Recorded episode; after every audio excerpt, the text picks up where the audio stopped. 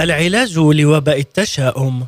خلال سفراتي حول العالم بدا لي أن التشاؤم هو الوباء المنتشر عالميا.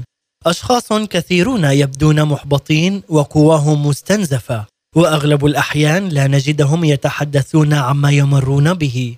وبهذا السياق أتذكر داود عندما قال في المزمور المئة والواحد والعشرين أرفع عيني إلى الجبال من حيث يأتي عوني معونتي من عند الرب صانع السماوات والأرض.